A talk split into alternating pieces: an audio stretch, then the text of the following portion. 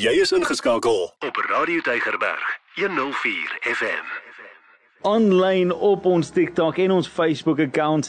Ehm um, baie dankie dat jy saamkuier en net ook gemotiveer is om te hoor dit wat die Here graag wil kom sê in jou lewe. En ek weet dat die Here 'n plek en 'n tyd soos die gekies om wonderwerke vir my en vir jou te kom doen. Wonderwerke hoekom? Want God vra vir ons, is ons bereid om hom te vertrou om groter dinge te doen as wat ons ooit kan dink, droom of verbeel?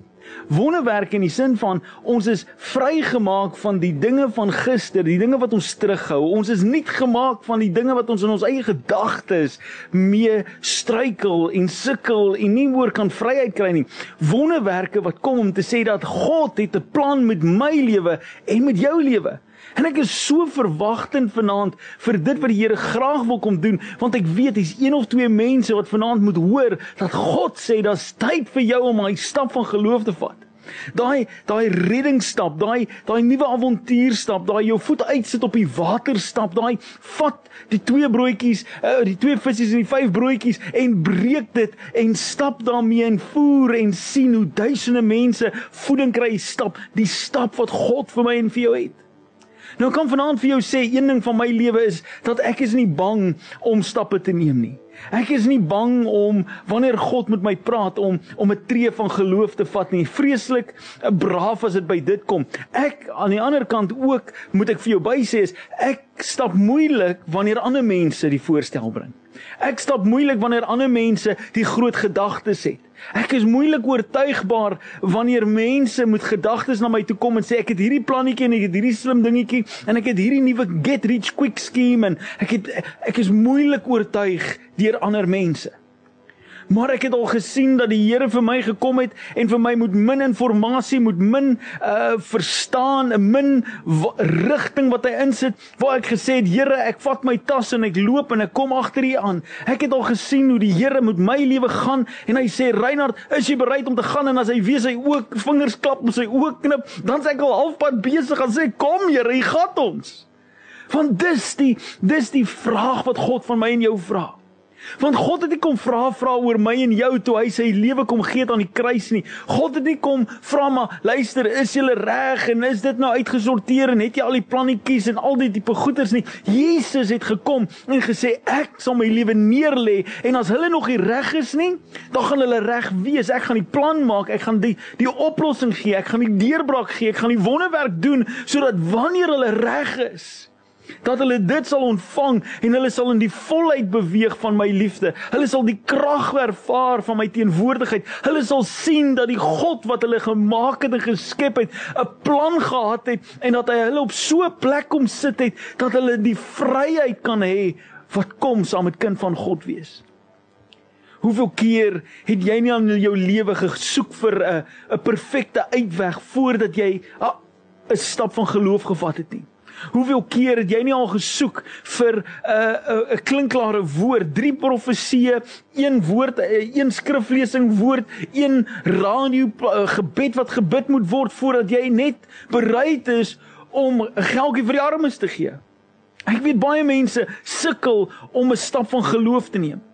Ek kyk op uh, sosiale media is hierdie ehm um, evangelistiese predikant um baie slim hy's a, hy's 'n apologetic uh predikant en en hy gaan na universiteite toe en hy's hy's ongelooflik slim. Uh, dit inspireer my so hierdie ouens wat hierdie hierdie die geskiedenis van die Bybel die geskiedenis van die geloof die geskiedenis van die mensdom wat wat al hierdie antwoorde het en al hierdie slimheid het uh, verstom my altyd as ek luister na hulle my mond hang oop Maar hy gaan op universiteit kampus en dan kom mense na hom toe, studente na hom toe en sê: "Gee vir my 'n bewys dat Jesus 'n realiteit is.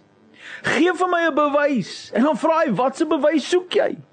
Watse wat sal jou oortuig en dan sê die mense van die mense so interessant genoeg gaan sê hulle ek soek 'n brandende bos.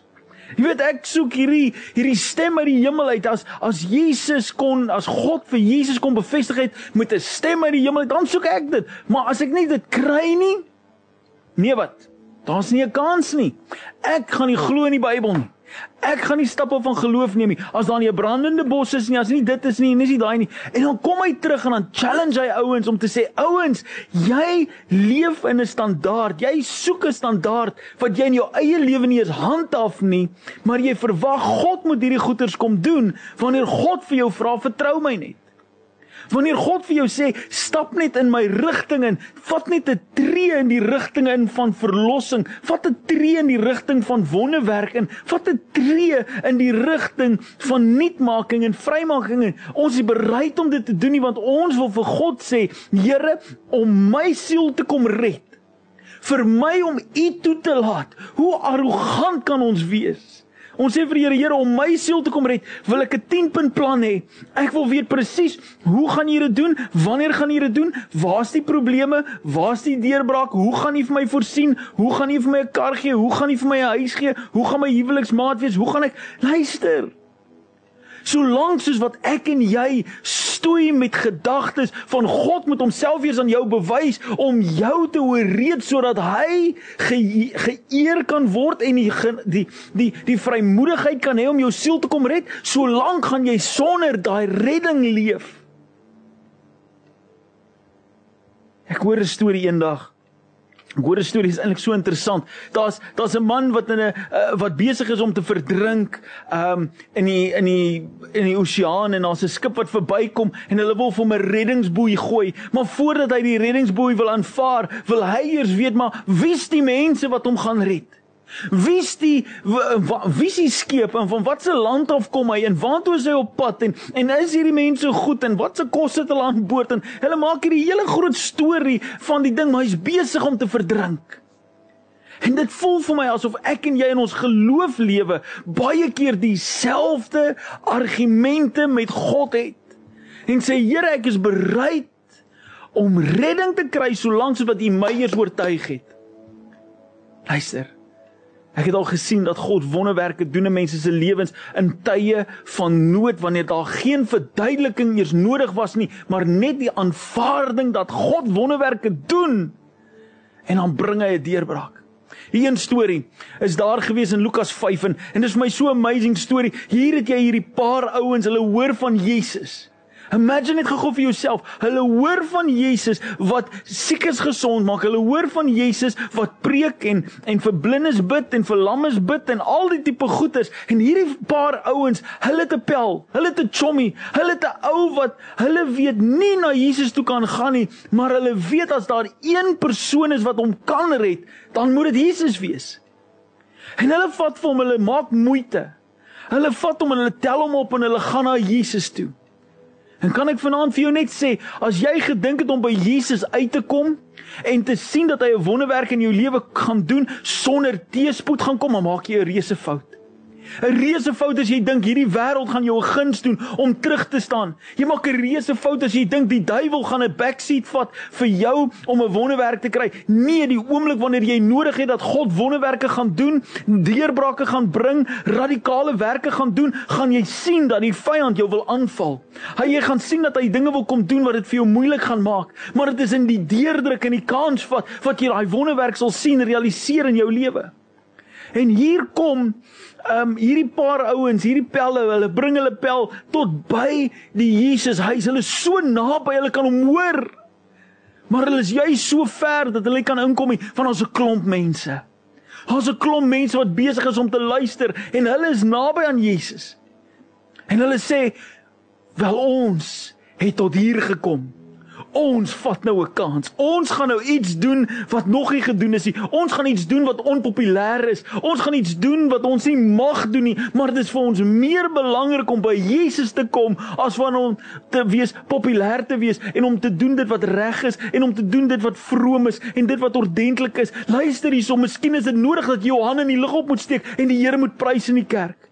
Miskien is dit nodig dat jy moet opstaan en vorentoe gaan en sê vir daai pastoor, bid vir my vir 'n slag, ek het gebed nodig. Dit is dalk nodig dat jy moet hardop sing en nie meer vir jouself terugbrik en in die agterkant van die kerk sit en sê, "Ag, ek hoop maar iemand sien my raak of niemand sien my raak nie. Ek sien net die Here moet my raak sien." Nee, man, dit is tyd dat jy opstaan en braaf wees en vertrou dat die Here wonderwerk gaan doen. Vat die kans.